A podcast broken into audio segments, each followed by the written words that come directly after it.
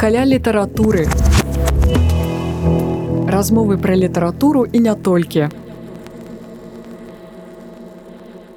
Прывітанне, гэта падкаст каля літаратуры. Мяне завуць Марыя, я рэдактарка. І сёння маім госцем ёсць Андрэй Строцаў, антраполаг рэлігіязнаўца і мастак-графік. Андрэй скончыў магістратуру вышэйшай школы сацыяльных навук у Парыжы, дзе вывучаў сацыялогію рэлігія, дакладна царкоўныя рухі рускай эміграцыі. Таксама ён вядомы тым, што пераклаў адну з кніг хронік нарніі на беларускую мову таксама Андрей ілюструе кнігі Джона Толкіна. Карацей, я думаю, што ён падрабязней пра гэта ўсё распавядзе сам. Андрей, прывітанне. Прывітанне, прывітанне Марыя, прывітанне ўсім слухачам. Ну, дзякуй вялікі за запрашэнне. Гэта незвычайная перадача, таму што на літаратурным радыё звычайна выступаюць літаратары. А я сябе так. таким... да, я сябе таким не ўпэўнены што магу лічыць таму што я вось як вы сказалі хутчэй ілюстратор хутчэй сацыёлах можна сказаць але гэта спецыяльная праграма для людзей якія звязаныя з літаратурай але нейкім ускосным чынам мы практычна ўсе з ёй звязаны там што мы чытаем мы ёй захапляемся мы ў ёй жывем але ну літаратары гэта тыя людзі якія я ствараюць тым больш прафесійна я вось як вы сказалі самая блізкая маё дакрананне да свету кніжак это быў пераклад хронік нарніі аднаго з тамоў. Але гэта было уже даўно калі я менавіта сам тэкст пераклаў. А кніжка выйшла вось на пачатку гэтага года.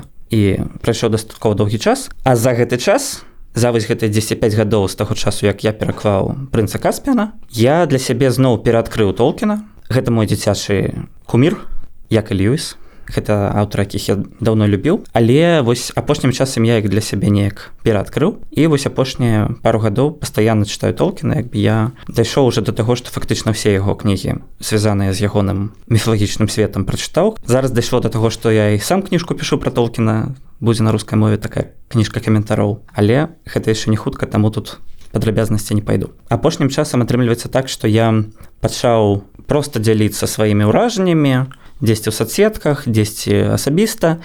І гэта правяло да таго што я ў тым ліку і на Ютубе так далей некалькі размоваў пра толкіна правёў якія дастаткова вялікі рэзонанс выклікалі ў слухачоў. І для мяне гэта просто такім жа стала знакам што калі ўжо дастаткова даўні ўжо класічныя творы вось так людзей чапляюць вось так людзей кранаюць калі ты іх просто са сваім нейкім энтузіязмам пераказваеш то значыць ёсць нешта важнае ёсць нешта змястоўна вось у самой гэтай мове такой міфалагічнай. Таму што чым асаблівасць толкіна і аўтараў ягонага шэрагу? Гэта тое што ў іх кнігах мы маем справу вось такім ажыўленым актуалізаваным міфам нейкімі архетыпамі як это часам таксама называюць якія маюць сэнс не толькі вось тады калі яны гэта пішуць у іх кантэксце ці ў іх краіне ці ў іх час але і па-за іх межамі і вось менавіта сёння калі мы записываем гэта інтэрв'ю сёння другое верасня інтэрв'ю выйдзе пазней але менавіта сёння так супала што спаўняецца 50 гадоў паўстагоддзя з дня як Джон Рональд Ройл Толкін памёр.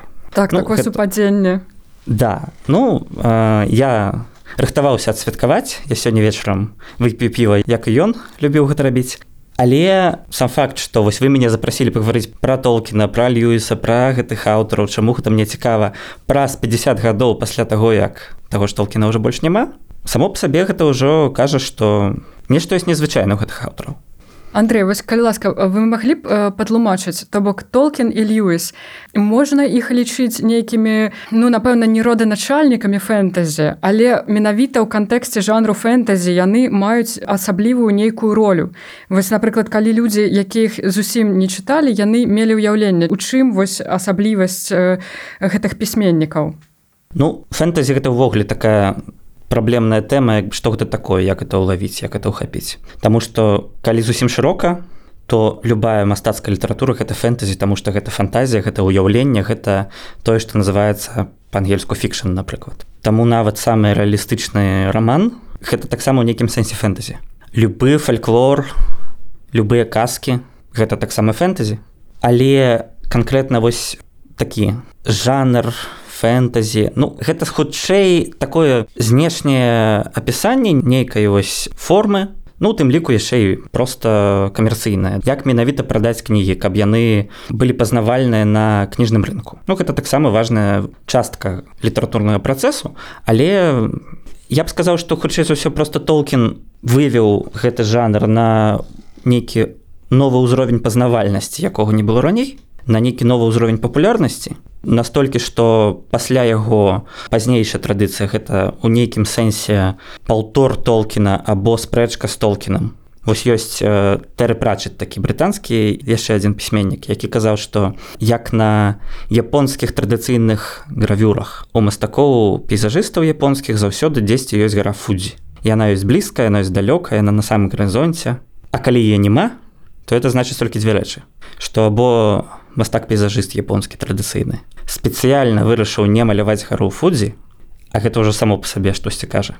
Або што ён просто на ёй стаіць. І прачыт это параўновае з цяперашнім фэнтэзі што я новасць яно не можа вакол толкіна абысці яно не можа зрабіць што яго не было. Але да яго і да льюіса канешне гэта была цэлая вялікая традыцыя ўжо яна просто не была можа быць настолькі пазнавальная як нейкі жанр. Былі такія аўтары як Джордж Макдональд Уильям Моррис лорды дансейні чыстратон нейкім сэнсе і можна далей раней сыходзіць паэма сіяна Джорджа Макферсона ў 18 стагоддзі Шекспір сону летнюю ноч сярэднявечная літаратура ну калі канкрэтна казаць пра Англію Таму што так атрымалася што гэты жанр вось у такім выглядзе як мы яго ведам сфармаваўся ў Англіі. Але у канешне гэта умоўнасць казаць што вось фэнтэзі гэта некая такая ангельская міфапаэтычная літаратура калі больш шырока то ну любая літаратурная казка любая свядомая праца не просто вось традыцыя як яна існуе сама па сабе а любая яе інтэрпрэтацыя менавіта вось такой казачнай літаратуры гэта таксама можна лічыць фэнтэзі я люблю такое называць міфапаэтычнай літаратурай калі гэта не просто тое што ты вось уявіў што ёсць нейкія феечкі просто допустим что ёсць нешта такое незвычайна не такое як мы кожны дзень можемм бачыць а гэта гаворка ідзе пра нейкі хутчэй міф пра нейкія глыбокія вобразы і я тут хацеў бы правесці одну паралель якая мне здаецца вельмі цікавай паміж вось гэтай ангельскай брытанскай літаратурнай традыцыі і нашай беларускай. Ёсць толкін які 50 гадоў таму памёр а ёсць наш класік Масім богданович і зусім недавно святкавалася 130 гадоў толкіна і 130 гадоў богдановича. Гэта людзі які нарадзіліся з розніцай менш чым один месяц адзін ад аднаго. Просто адзін у снежні другі ў студзені таму атрымліваецца што это былі розныя гады. Гэта вельмі дзіўна таму што мне здаецца вось мы не ўспрымаем гэтыя постаці як постаці у якіх можа быць штосьці падобнае. Ну так ну таму што па-першае гэта розныя кантэксты адна справа гэта нейкі сусветна вядомы аўтар інша справа гэта такі нацыянальны паэт які меней вядомы за межамі беларусі. Па-другое хаця яны аднагодкі хаця яны сучаснікі прыданович памёр вельмі рана толкін памёр вельмі пажылым чалавекам. І па-трэцяе у толкіна няма вось гэтага статуса класіка такого школьнага якога як бы ці павучаць на школьных уроках. Богданович на жаль трошки яго такім зрабілі хаця ён больш гэтым сэнсе жывы. Але чаму мне цікава правесці гэту паралель? Таму што абодва рабілі прыблізна адно і тое ж стваралі вось для сваёй краіны для свайго народу нейкі новы міф нейкую новую міфалогію якая дапамагла б зразумець сябе у новым вось этом двадцатым стагоддзе з яго выклікамі ў новым свеце.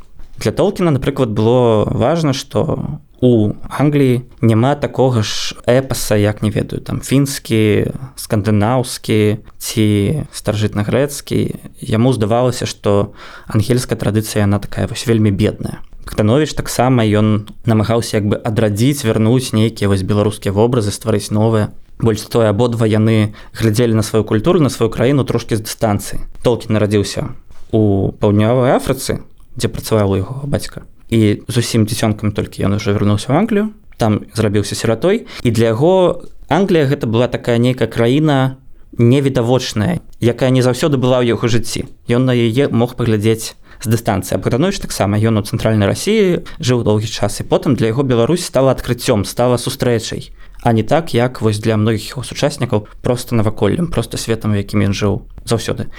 Яны розныя аўтары у іх шмат ну нават не тое што шмат адрозненняў хутчэй нават складана сказаць што гэта адзін жанр. Але вось гэта міфалагічныя вобразы выкарыстоўваюць абодва.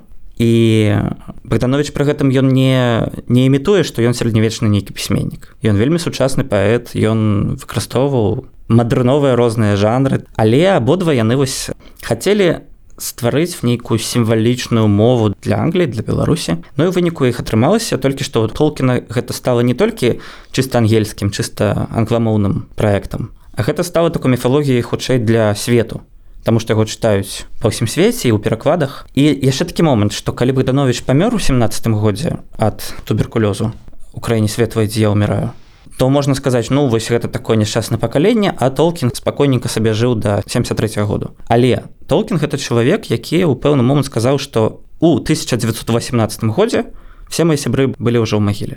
Толкін гэта так званы пакаленне тых хто выжылі. Гэта чалавек які таксама страціў сваіх сяброў сваіх школьных таварышаў на першасветнай вайне. Ён фактычна цудам адтуль выйшаў жывым і вось гэты такі экзістэнцыйны жах які і пакаленне падановича яго на пакаленне перажыва ён агульны гэта такое агульная еўрапейская траўма еўрапейская катастрофа на якую іх адказам стала вось не тое што такі эскапізм жаданне вось вярнуцца ў нейкую казку а наадварот такі вось рух выйсці ў свет з новай мовай абодва стралілі адно і тое ж. Таму калі вярнуцца да вось пытанне якое вы задалі чым адметная літаратура фэнтэзі да у толкіна льюіса. Льюіс таксама быў на першасветнай вайне. Гэта не тое што яны неяк зноў прымусілі свет гаварыць пра драконаў. Не тое што яны канкрэтна нейкі вобраз рэканструявалі. А што яны ў вельмі цяжкі час у вельмі хутка зменлівую эпоху прапанавалі новую мову якая дазволіла людзям зразумець адно адно па-новаму саміх сябе зразумець Ну прынамсі для мяне гэта так працуе. Канешне гэта не для ўсіх такія аўтары. Ну і в прынцыпе я не ведаю вы вось вядзеце літаратурныя праграмы ці ёсць якісьці аўтар які пасуе ўсім Ну так э, вядома гэта канешне справа густаў гэта безумоўна. Я просто з тых э, каму дарэчы падабаўся толкен таксама ў дзяцінстве і я нават вось малявала гэтыя карты гэтага свету які ён стварыў. І мне вось падаецца што феномен толкена ён у тым ліку ў тым што гэта быў навуковец таких энцыклапедычных ведаў. Ён пабудаваў такі свет які часта называюць легендарыум І каб яго пабудаваць яму я так разумею давялося вывучыць вось шмат розных эпасаў сярэднявечных і нават ранейшых. І акрамя таго ён быў выбітным лінгвістам які распрацоўваў для кожнага народа які ў гэтым свеце жыве там эльфы не ведаю як наконт оркаў распрацоўваў для іх спецыфічныя мовы. Вось гэты манументалізм скажем толкіна уражвае і ў сувязі з гэтым вось хочу таксама вас Андрей спытаць што з перакладамі такога складанага тэксту тэкстаў Таму што на беларускую толкіна перакладаюць і яшчэ наколькі мне вядома вось выйдзе пераклад ігора кулікова. Плануецца ў 2024 годзе якраз калі можна атрымаць правы скажем на выданне гэтага перакладу. І э, мне здаецца гэта неверагодна складаная праца і вы хутчэй за ўсё абазнаныя ў тонкасцях. Вось як перакладаць усе гэтыя складаныя рэчы? Ну так Вось вы папярэдняе пытанне задалі пра такое жанравае фэнтэзі у чым яго асаблівасці. Але ну у пэўным сэнсе можна творчасць таго ж толкіна назваць яшчэ і навуковай фантастыкай. Просто што у нас навуковая фантастыка звычайна асацыюецца з такімі навукамі як фізіка біялогія хімія і так далей. Але гуманітарныя навукі такі як філалогія лінгвістыка. Гэта таксама навукі. Таму ў гэтым сэнсе канешне валодара пярсёнкаў і ва ўсёй гэтай міфалогіі міжзем'я ёсць менавіта вось гэты навуковы складнік навуковая аснова. Чытаючы вось шырэйшы склад яго кніг не толькі асноўныя а розныя там іншыя гэта яшчэ больш бачна што сапраўды гэта ў вялікай ступені пабудавана менавіта на не толькі вось на канструяванне эльфійскіх мовы іншых як сказалі але і на вельмі глыбокім веданні менавіта ангельскай мовы на якой ён гэта ствараў. І адна з асаблівасцяў уладара пярсёнкаў ну і адпаведна іншых тэксту толкіна ў тым што у адрозненне ад многіх іншых аўтараў якія просто пішуць на нейкай сваёй мове і гэта маецца на увазе як нешта відавочнае ён гуляе ў такую гульню што тое што ён піша гэта пераклад што гэтая гісторыя яна існуе сама по сабе як нешта што да нас дайшло з да гістарычнага такого міфалагічнага мінулага што гэтыя ўсе гісторыі запісалі ўласна самі хобіты там більба бэгенс фрода і што толкін іх перакладае на ангельскую мову да на так? ангельскую так? мову менавіта і таму напрыклад імёны гэтых персонажаў гэта таксама пераклады фрода бэгенс гэта ангельскае слово бэгенс гэта ад слова торба ад слова сумка а на самой справе яго гэтага персонажа звалі неяк іначай маура лабінгі.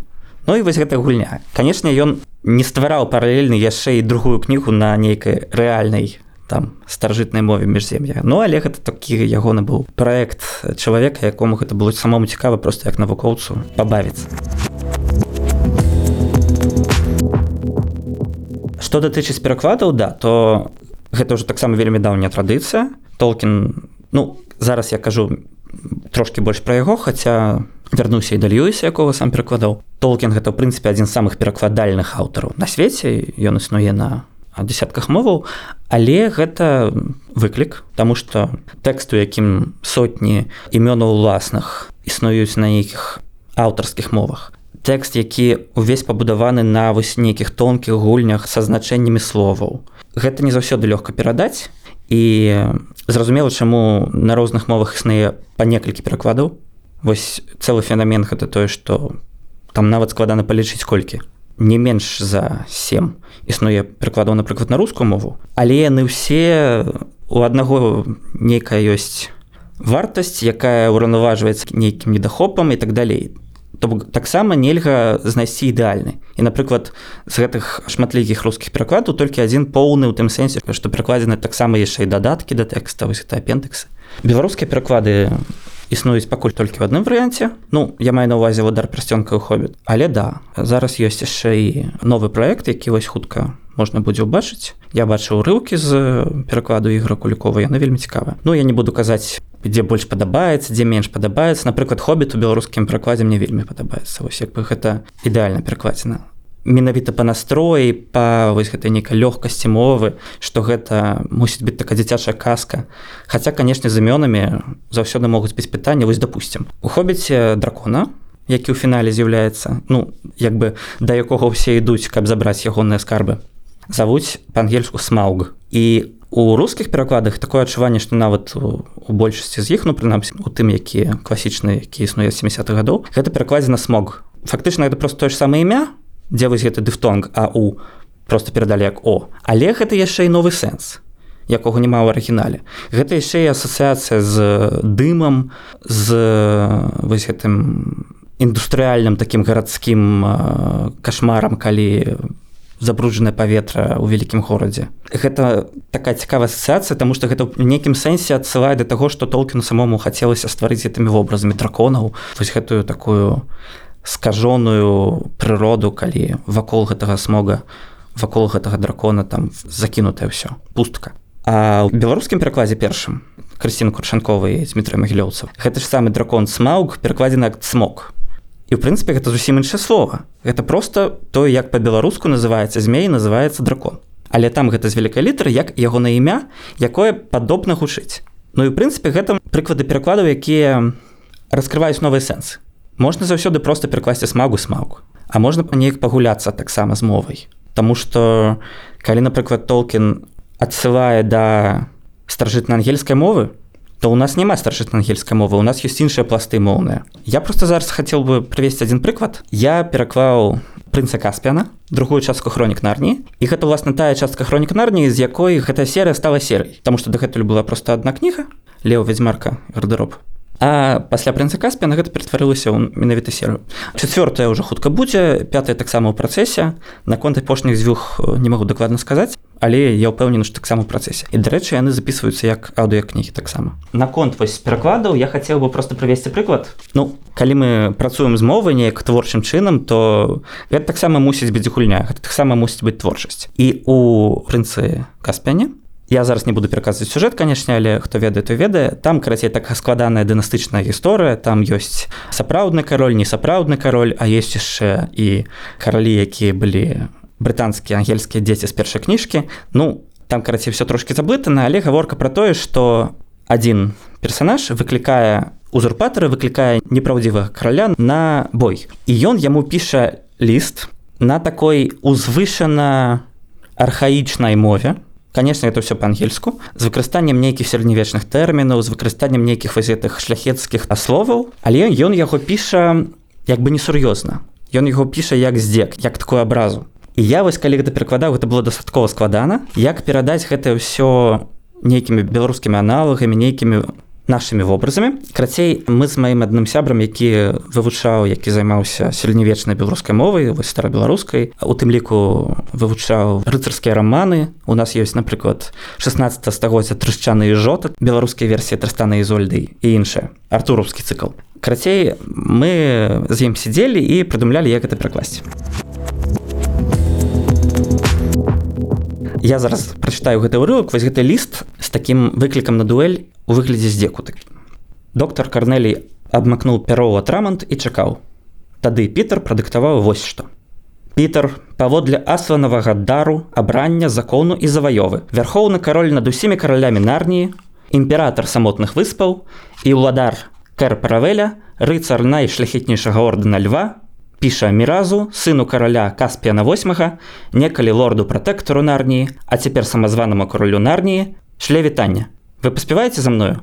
На арніі коска шле вітання прамармятаў доктор так васпане тады чырвоны радок сказал пітер каб унікнуць праліцця крыві і пазбегнуць усіх іншых магчымых турботаў якія распачатыя цяпер вайны могуць напаткаць нарнію наше валадарства мы ў нашай каралеўскай асобе і ад імя нашага вернага і улюбёнага каспіяна маем прыемнасць даслаць вам гэты выклік на сумленны двубой который мае давесці на целе вашай мосці што вышэй памянёны каспіян ёсць законны кароль под нашим панаваннем у нарніі як паводле нашага дару так і паводле законаў тальмарынаў. Ваша ж мосць двое двойчы вінаваты ў здрадзе учынены як праз узурпацыю панавання над нарніяй і пераслед вышэй памянёнага каспіяна так і праз нязмерна агіднае крывавае і пачварнае забойства вашага ласкавага пана і брата караля каспіяна 9 дзеля которой прычыны. Мы з усёй шчырасцю заклікаем вызываем і прапануем вашай мосці выйсці на памянёны двубой паядынак і монамахію толькі напішыце гэта праз о доктор і пастаўце націск пасылаючы гэты ліст з нашим улюбёным каранаваным братам эдмонтам каралём под нашим панаваннем у нарніі князем ліхтарнай пусткі і графам заходняга памежжа рыцаржам шляхетнага ордена стола якому мы перадаём усе паўнамоцтвы каб вызначыць з вашаю мосцю усе умовы і акалічнасці названыя бітвы дадзены пры нашым побыце жыце ў асладвым кургане ў двадцаты дзень месяца зеленавіка у першы год панавання каспіна 10 караля нарні. Так будзе добра сказаў пітер глыбока уздыхнуўшы. Вось. Ну гэта такая моя была гульня гэта быў вельмі прыемны моват перакладаць гэты ліст.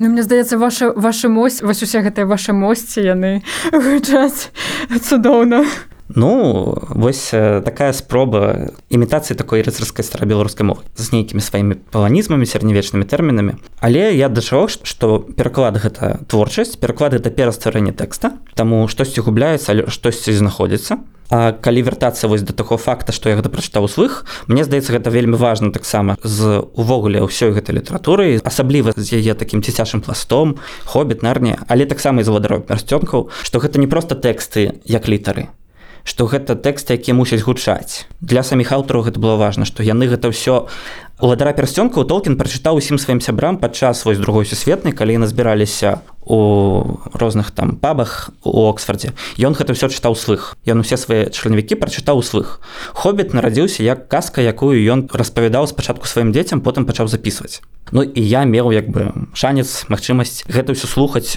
ад сваіх бацькоў у дзяцінстве і ўласна гэта было яшчэ да таго як я сам пачаў чытаць і калі я гэта такі навучыўся то стаў зноў перачытваць это кніжкі Таму мне здаецца вельмі важна што мы увогуле мусім нашу літаратуру агучваць. Не проста літары на паперы друкаваць ці пісаць а мусім яшчэ і вось дадаваць да гэтага голас вось целеснасць гэтую эмоцыю.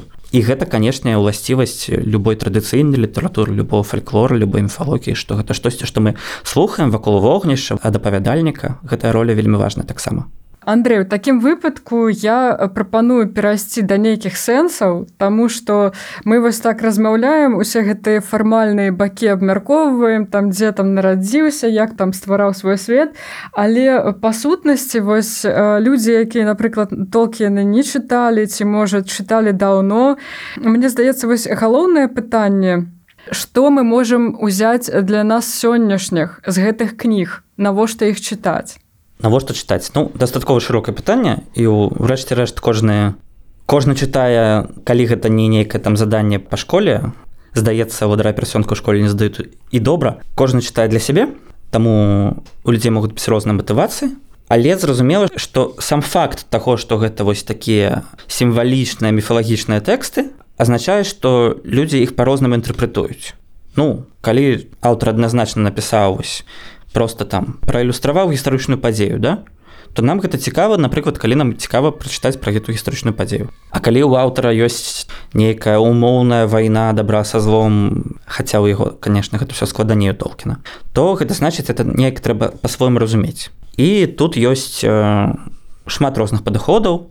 Заўсёды былі інтэрпрэтацыі такія псіхалагічна юнгіянскія былі інтэрпрэтацыі палітычныя левыя правыя былі інтэрпрэтацыі всякие эзотэрычныя ёсць інтэрпрэтацыя такая вось вельмі артадаксальна каталіцкая што калі аўтар каталік то значыць толькі каталікі яго могуць зразумець толькі хрысціяне. Ну і так далей. Як бы я не кажу што гэта все неправільная інтэрпрэтацыя але кожная з іх яна ну частковая. І ўрэшце рэшт аўтар калі казаць канкрэтна пра толкіна я больш буду казаць зараз пра яго таму што я большымі займаюся большым зараз менавіта вось вывучаю.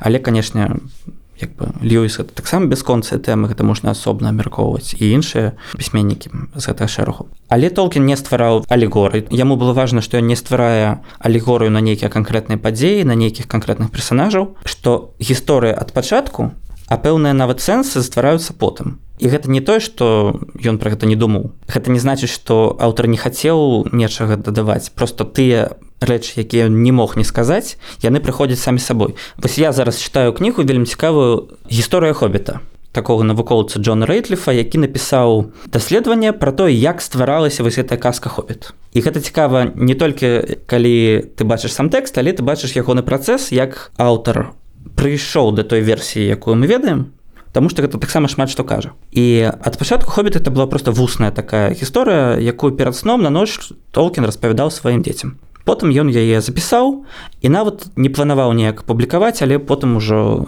яе убачылі яго сябры прапанавалі гэта дарабіць дапісаць ён зрабіў кніжку. І у вось гэтым працэсе у такой чарнавой версіі у першапачатковай версіі якая была ёсць два вельмі вялікіх адрознення той гісторыю якую мы ведаем Ну я зараз буду як бы казаць з разліку на тое што хто прама зараз слухаюць ведаюць сюжэт кніжкі хобіт Хаця ну калі хтосьці не ведае то таксама распавяду пра што гаворка. Якія паказваюць што ад пачатку у толкіна скажем так персонаж галоўны більба бэггінс быў значна менш сімпатычны чым той кого мы ведаем. Два галоўных адрознення гэта па-першае калі ён сустракае у падзямеллі вось гэта голума які на гэтым этапе яшчэ не меўся на ўвазе што ён таксама хобіт такі скажоны спорчаны. Яны пачынаюць гуляць у загадкі і калі більба выйграе то колум ён мусіць яго гаворка была про то што ён яго або з'есць або падруць яму падарунак. Яшчэ не было гаворкі про тое што колум яго мусіць вывесці з падзямелля вывесці на волю. І той яму ідзе шукаць падарунак і аказваецца што вось гэты непрыемны персонаж голум ён хацеў яму падарыць більба ягоны вось гэты персцёначак які робіць небачным. Ну але як мы ведаем ён ужо яго знайшоў. І гэты голум так засумаваў што о я не знайшоў гэты персцёнчык Ну давай тады я тебе выведу на волю з-пад-зямеля з гары выводзіць яшчэ і выбачаецца. І гэта зусім не тая сцэна якую мы ведаем па фінальнай кнізе. Таму што ў фінальным варыянце гісторыі тым больш калі ваўдары персцёнку гэты персцёнак напоўніўся новым сэнсам што ён там такая дэманічная сіла там не магло быць гаворкі пра тое што гэты колум ён захоча яго падарыць сам. Ён хацеў гэтага більба з'есці сам. Карацей наш галоўны герой ён ворага падмануў. Далей напрыканцы ўжо гісторыі мелася на ўвазе што дракона што вось гэтага самага смога смога цмока і мы гаварылі як яго завуць што більба яго заб'е пакуль той будзе спаць што менавіта більба менавіта вось гэты маленькі хобіт ён будзе такім змееборцам карацей ён мусіў у арыгінальным тэксце па-першае падмануць вось эту пачвару па-другое таемна цішком забіць дракона. Гэта не зусім адпавядае вось нейкам такому маральнаму вобразу більба. Таму што ў фінальнай версіі у такой вось якая ўжо улілася ў агульную міфалогію у сцэне з голумам галоўная як бы цнота наших галоўных герояў тым што ён не забіў пачвару хаця мог. Што ён як бы зрабіў жэст міласці такой пашкадаваў. А што датычыць дракона то там ввогуле гэта канешне не ён забіў дракона. Там далей ягоны як бы подзвіг гэта тое што ён адмовіўся ад сваёй часткі скарбаў дзеля таго каб памірыць всіх астатніх якія пачалі за гэтыя скарбы сварацца. Што я маю на увазе для чаго быў гэты ўвесь экскурс? Што ад пачатку гісторыя не маралізатарская У адрозненне ад многіх аўтараў папярэдняй эпохі там віктарыянскіх толкін для сваіх дзяцей распавядае проста цікавую гісторыю якую будзем цікава слухаць. Пра гоблінаў пра павукоў пра мядзведзяў. Вось чаму там мядзведзі? Просто таму што ягоныя дзеці любілі мядзведзяў. І таму ва ўсіх казках які толкін пісаў для дзяцей там ёсць мядзведзі не медвядзі а вось гэты бёрн які не ваўкалак а як бы мовіць медведзелак карацей які ператвараецца ў мядзведзя. І ў першапачатковай версіі яго звалі медвед ён хацеў выкарыстаць славянскае слово карацей ён не ствараў маралізатарскую нейкую гісторыю ён не распавядае ні дзецям сваім як ім жыць ну прынамсі можа ён гэта канешне ім распавядаў сваім дзецям як ім жыць але не пры дапамозе казак. Пры дапамозе казак ён з гэтымі сваімі дзецьмі гуляе. Ён з імі просто камунікуе. І адпаведна далей за ўсімі астатнімі тэкстамі то ж самае. Але як мы ўбачылі у фінальную гісторыю у тую якая ўжо вырастае самастойна у яе самі сабою уваходзяць вось гэтыя натуральная для толкіна тэмы ідэі вось пра тое як важна як каштоўна ахвяраваць нечым сваім дзеля агульнага міру як важна пашкадаваць ворага Таму што у нейкай фінальнай гісторыі можа быць акажацца што гэты вораг дзеля чагосьці патрэбны і так далей. Ён вось эту сваю хрысціянскую тэалогію ён яе не штучным чынам уводзіць у тэкст. Яна прарастае праз яго арганічна праз гэты тэкст Мне здаецца это вельмі важна. Вось у прынцыпе ў ягонай літаратуры што яна нам не кажа як нам сябе трэба паводзіць яна нам стварае нейкую рэальнасць у якую нам цікава заглыбіцца а ўжо далей у межах гэтай рэальнасці у межах вось гэтага другаснага свету мы разам з героямі кіруемся нейкімі прынцыпамі якія для аўтара важныя. Каля літаратуры. Размовы пра літаратуру і не толькі. Добра, Андрэй, А вось яшчэ такое пытанне. Разбурыце такі стэеатып, што вось у гэтым свеце толкі на там атрымліваецца ёсць героі добрыя і дрэнныя, напрыклад, там оркі дрэнныя, а эльфы добрыя і прыгожыя. Гэта так? Як вось з гэтым з характарам герояў? Што ён такі чорна-белых ты свет да так так Я думаю гэта пераводзіць да пытання не толькі вось чыста этыкі хто добры хто дрэнны а гэта яшчэ пераводзіць да пытання сувязі этыкі эстэтыкі да Таму што скажем так оркі эльфы у першую чаргу эльфы прыгожыя оркі непрыгожыя А далей складанае пытанне таму што у адной з версіяў хто такі ўвогуле оркі гобліны і все такое мы ведаем што гэта это ёсць эльфы якія былі скрадзеныя паланёныя скажоны і так далей. Толкін ён працуе з вось гэтымі ну вобразнай сімвалічнай мовы якой можа быць няма напрыклад у рэалістычным рамане. Ён працуе з прыгожым жахлівым узвышаным пачварным і калі вяртацца да орку то важна што яны не проста ў іх іншы стыль да? Эльфы хіпі а яны панкі напрыклад што ў іх івогуле няма стыля. Што ў іх няма ніякай як бы эстэтыкі што это просто такое як яны жывуць у такім смецці а мордар гэта такая сметніца Але далей вось калі мы пабудавалі гэтую бінарнасць такую прыгожага непрыхожа але далей пачынаюцца ўжо складанасці Таму што напрыклад саурон уласна ладар пярсцёнку цёмны вось гэты вораг на працягу асноўных кніг ён у папярэднюю эпоху ну як быў перад гісторыяй падзею ладара пярсцёнку ён дзейнічае не як вось такі жахлівы страшны бандыт а як спакушальнік а як вельмі прыгожы нейкі персанаж які сваёй прыгажосцю які сваёй красамоўнасцю які увогуле вось нейкі такі стыльны што спакушае спачатку эльфу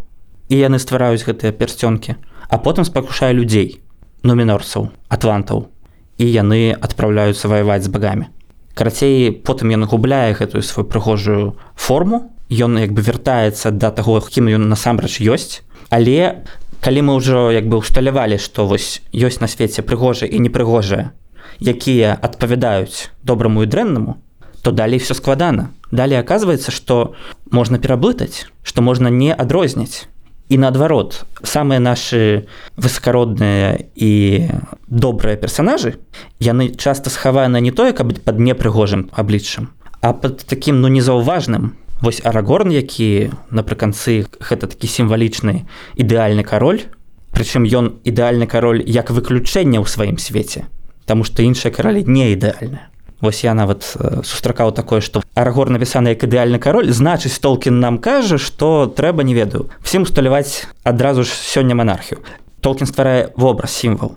Але на працягу гісторыі перад тым як ён раскрываецца як вось такі амаль хрыстападобны кароль дагэтуль ён схаваны ну вось як гэты страйдер э, валацуга брадзяжнік у рускіх перакладах. Ён не тое, што нейкія страшны, але ён прынамсі не ўражвае сваёй высакароднасцю вельчу. Гэндальф, который у нас такая боская фактычна фігура анёльская, які напрыканцы гэты гэндальф белы, які фактычна свеціцца. Ну такі амаль што анёл ён перад гэтым гэндальф шэраю ён бадзяецца па ўсім свеце пад дажджом карацей паляць люльку ходзіць у гэтым сваім капелюшы такім трошки нязграбным і зусім не робіць уражанне нейкай звыш сілы. У чорна-белым свеце ёсць гэндальф шэр карацей. Ёсць адценне ёсць нюансы. Асабліва гэта бачна напрыклад у сельмарліоне у вось гэтай перад гісторыяй міфалагічнай дзе вось гэтыя маральныя полюсы хто добры хто дрэнны пабудаваны такім чынам што хто дрэнны там зразумела там ёсць як бы непасрэдна сатана непасрэдная д'ябал. Вось ён просто дзейнічаў гісторыі. А хто добры незразумела таму што все астатнія яны у той ці іншай ступені скампраметаваныя яны ўсе паводзяць сябе з памылкамі. Напрыклад гісторыя пра дзяцей хурна трагедыя толкінаў якая заканчваецца як бы двума суіцыдамі вельмі такая э, драматычная гісторыя у якой ён якраз даследуе такое пытанне. Калі герой пракляты калі яго хтосьці пракляў то ці можа ён пазней сказаць што все яго праблемы гэта просто таму што яго хтосьці пракляў ці не? Там так і не зразумела до конца ці можна перанесці ўсю адказнасць на нейкую знешнюю сілу дэманічную? Ці все наши выпрабаванні вырашаць толькі нам самім? Бок гэта адкрытае пытанне застаецца ну так? прынцыпе толкін яго на міфалогія гэта свет адкрыты калі б там быў такі дакладна дадзены адказ то пры яе прынамсі не было б кожны дзень спрэчак у інтэрнэце ці феанор зрабіў все правильно ці феанор забіў все неправільна. Так сапраўды там ёсць магчымасць інтэрпрэтацыі але канечне гэта не свет рэлятывізму дзе ўвогуле неважна. Неважна хто за каго неважна хто які там ёсць свае прынцыпы там ёсць свая логіка. Ну вось тэма ўлады напэўна вельмі важная ўсё ж у гэтым творы. То бок я думаю у яе ёсць нейкая пэўная інтэрпрэтацыя. Што вы скажаце у толкна свету якім існуе пэўная іерархія у ім ёсць багі анёлы якія так іначе дзейнічаюць да пэўнай ступені штосьці яны зрабіць могуць чагосьці яны зрабіць не могуць. У ім ёсць тыя вось это анёльскія сілы скажоныя цёмныя якія робяць все што хочуць таксама з пэўнымі абмежаваннямі. Але ну вось мы маем саурона які такая д'ябальская фігура які прадстаўляе вобраз улады як гвалту як знешняга такога гвалтоўнага падпарадкавання. Але у той жа час мы маем вобраз рагорна караля які як бы каралём робіцца толькі тады калі ён прайшоў увесь шлях да таго каб прыняць гэтую адказнасць прыняць гэтую ролю а дагэтуль ён шмат гадоў як бы служыць. Прычым так незаўважна і ціха. Але калі канешне выводзіць з вымярэння такога унутры гэтага свету скажем палітычнага да пра ўладу як хто мусіць як бы кіраваць краінамі гэтымі ўсімі ці то вось гэты самы уласна ўладар пярсцёнку цёмны ці які-небудзь правільны добры кароль ёсць пытанне больш шырокае. Напрыклад Бог. Ён у гэтым свеце ёсць ці няма мы ведаем што толкін гэта каталік хрысціянін які піша гэты твор маючы на ўвазе што ў ім ёсць бог творца бог стваральнік. Але калі мы бярэм тэкст уладара прасцёнку то добра вядома што там здавалася б апісаны свет без вось нейкай арганізаванай рэлігіі без таго што гэты персонажы маюць магчымасць там не ведаю памаліцца там прынесці ахвяру. Гэта яшчэ адзін з такіх вось дуалізмаў свету толкіна. Вось як мы казалі што ёсць як бы добрая дрэнная прыгожая непрыгожая у якіх складаныя нюансаваныя адносіны. А тут мы таксама маем справу з таким напружаннем паміж тым што з аднаго боку усё ў руках нейкіх высокіх сілаў мы ведаем што гэта так мы ведаем што хтосьці паслаў таго ж гендальфа вось валодары перасцёнкаў як рамане там не распісана падрабязна адкуль ён што ён. Там просто мы ведаем што ён вярнуўся з новой уладай з новай сілай. Але ў той жа час вельмі часта гэтыя ўсе героі стаяць перад роспачу перад невядомай будучыняй і ў іх ні ў кого няма гарантыі. Ні ў кого з іх няма дакладнай упэўненасці што вось все будзе добра. Яны нават не могуць сказаць што грубо кажучы ну вось мы памрэм і потым патрапім у рай Чаму? Таму што ў гэтым свеце няма веры ў тое што ёсць нейкі дакладны рай гарантаваны ўсім. Ёсць загадка ёсць э, невядомасць. І гэта мне здаецца адна з прычын чаму для сучаснага чалавека ну сучаснага нават праз 50 гадоў пасля смерці аўтара але гэта ўсё роўна наша эпоха сучасная. Чаму гэтыя творы ну маюць пэўную моц? Тому што яны ствараюць гэты ідэалізм яны ствараюць гэта напружанне і яны таксама не зводзяцца да простага адказу. Атрымліваецца што вось гэты свет толкіна гэта умоўна кажучы яшчэ адзін свет са сваімі законамі дзе няма адназначных адказаў у чым ён вельмі падобны да нашага скажам. Але вось пытанне такое. Я думаю вы напэўна неаднаразова яго чулі а можа і не чулі зараз даведаемся. Вось калі мы заглыбляемся ў гэты свет ці не з'яўляецца гэта нейкага кшталту такім эскапізмам То бок а нам навошта вось зноў я вас подводжу да гэтага пытання навошта гэта нам? Заглыбляцца ў гэты фантазійны свет так калі вось у нас ёсць тут рэальныя праблемы наш рэальны свет і літаратура дарэчы якая таксама гэтыя рэальныя праблемы апісвае А мы замест гэтага збягаем вось у нейкі фантазійны свет. Навошта мы гэта робім? Ну так это пытанне я яго чуў яно абмяркоўвалася калі мы пачыналі размову вось з гаворкі пра жанры да что такое фэнтэзі что такое не фэнтэзі то мне здаецца што любая літаратура на самой справе не тое каб зусім ужо апісвае рэальны свет а стварае просто нам спосаб правесці час. І калі ўжо вызначаць што нам чытаць а што нам не чытаць то тады заўсёды можна сказаць што лепш нічога не чытаць не слухаць не глядзець а просто ісці і вырашаць якісь непасрэдныя ну так так вырашаць непасрэднае эканамічнае пытанне або неяк яшчэ больш радыкальна браць там права ў свае руки у сваім жыцці. Але мы ведаем што тыя людзі якія якраз такі гэты свет змяняюць якія сапраўды яго змяняюць рэальна і канкрэтна у абсалютна большасці выпадку гэта якраз тыя людзі якія гэта робяць маючы нейкі вобраз нейкую карціну свету перад вачыма якія не ствараюць штучнай мяжы паміж практыкай і творай паміж вось этыкай эстэтыкай у якіх само жыццё гэта мастацтва. Мы такімі людзьмі захапляемся мы за такімі людзьмі хочам ісці мы такімі людзьмі хочам быць. Таму нельга сказаць што трэба чытаць добрыя кніжкі але калі хтосьці гэта робіць то гэта не выпадкова канкрэтна толкін адказваў на гэта пытанне так што эскапізм гэта ад слова эскейп збегчы напрыклад з турмы да? І ён кажа што ну мы ж калі чалавек патрапіў у палон да ворага. Ён гэта казаў канкрэтна падчас войны другой сусветнай. Ён казаў калі пачат патрапіў гестапа. Но мы ж не будзем яго асуджаць за тое што ён адтуль збег. Мы ж не будзем рабіць выгляд што ён як бы дэзертыр які збег з поля боя вось як бы пазбавіўся адаказнасці не мы будзем наадварот толькі вітаць той факт што чалавек збег з варожага палону Ну так вось і ён кажа літаратура мусіць тое ж самае рабіць. Яна нам мусіць даваць тую ступень свабоды якой у нас можа бракаваць сваімі сіламі знайсці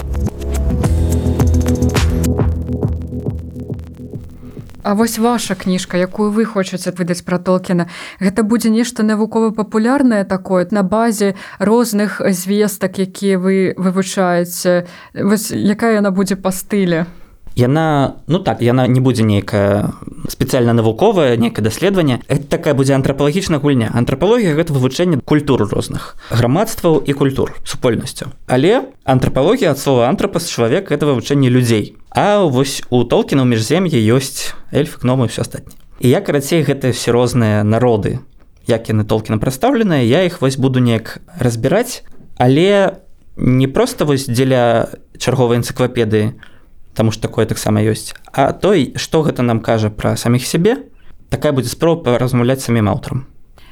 Андрей апошняе напэўна пытанне як мы ўжо казалі што мы сустрэліся ў дзень э, як 50 год пайшоў толкен жыцця і вось так яно наспела А што сам толкен думаў пра смерць Ён у нейкім нейкі момант сказаў што ўвогуле смерць это галоўная тэма ягонага рамана вадар прасцёнкаў ключавая асноўная там э, на, наколькі я веду эльф якому... напрыклад бессмяротны так яны не маюць такой магчымасці да вось да эльфу. Эльфы называюць чалавечую смерць дарам падарункам чаму Таму што з адного боку эльф бессмяротныя але на бессмяротны ў межах свету у межах зямлі якая мае свой нейкі пэўны гістарычны канец. І эльфы ведаюць, што яны з гэтай зямлёй назаўсёды, у іх няма адказу на пытанне, што будзе з імі далей. А калі людзі паміраюць, то яны вызваляюцца, маецца на ўвазе. І гісторыя вось пра берена і люцеен, такі цэнтральны толкінаўскі міф пра дзяўчыну эльфа, якая становіцца смяротнай, Ён як бы якраз абыгрывае гэтую праблему, што людзі хочуць бессмяротнасці, эльфы хочуць вось такой смерці такога спачыну, які іх у нейкім сэнсе вызваліць. Ну ён, канешне, таксама звяртаецца да вось нядаўна якраз быў царкоўнае свята успення спачын багародзіцы. Это тое, што на гербе горада Менска багародзіца якая вось такая ўздымаецца за анёламі смерць як пераўзыходжанне як пераход у нейкі іншы стан канешне у кожнага свой падыход там да рэлігійных пытанняў туталагічных пытанняў. Ну але калі толкін памёр то я вось ведаю амерыканскую мастачку якая яшчэ тады яшчэ 50 гадоў таму адна была з першых ілюстратараў ягоных кніг. І ў дзень калі ён памёр яна пачула гэта па радыё у нью-йорку. А яна была хіппі 73 год. Яна слухала рок па радыё і яна у той же самы дзень села і намалявала ягоны ўласны вобраз смерці. Вось гэты карабель з такой лебедзінай шыяй які пад парусам сыходзіць у заходняе мора пад зорамі.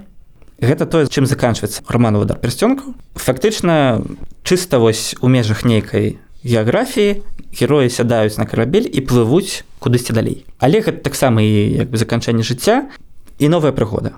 Я думаю як бы гэта дастаткова прыгожы вобраз такі дастаткова сумны але і але по-свойму але прыгожа добра ну все нарэшце так цяпер... шлях не заканчваецца за роуд go за Дарэчы вас яшчэ можна паглядзець на Ютубе так? Вось хто цікавіцца талкі да просто просто уводьце Андрей строцу знойдзеце всякое рознае Ну вось так што шлях не заканчваецца калі ласка шукайце Андрэя на Ютубе можна даведацца яшчэ шмат.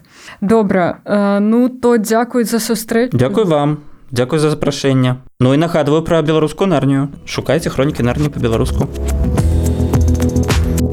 Гэта быў падкаст каля літаратуры. Слухайце нас, падпісвайцеся на Ютубе да сустрэчы.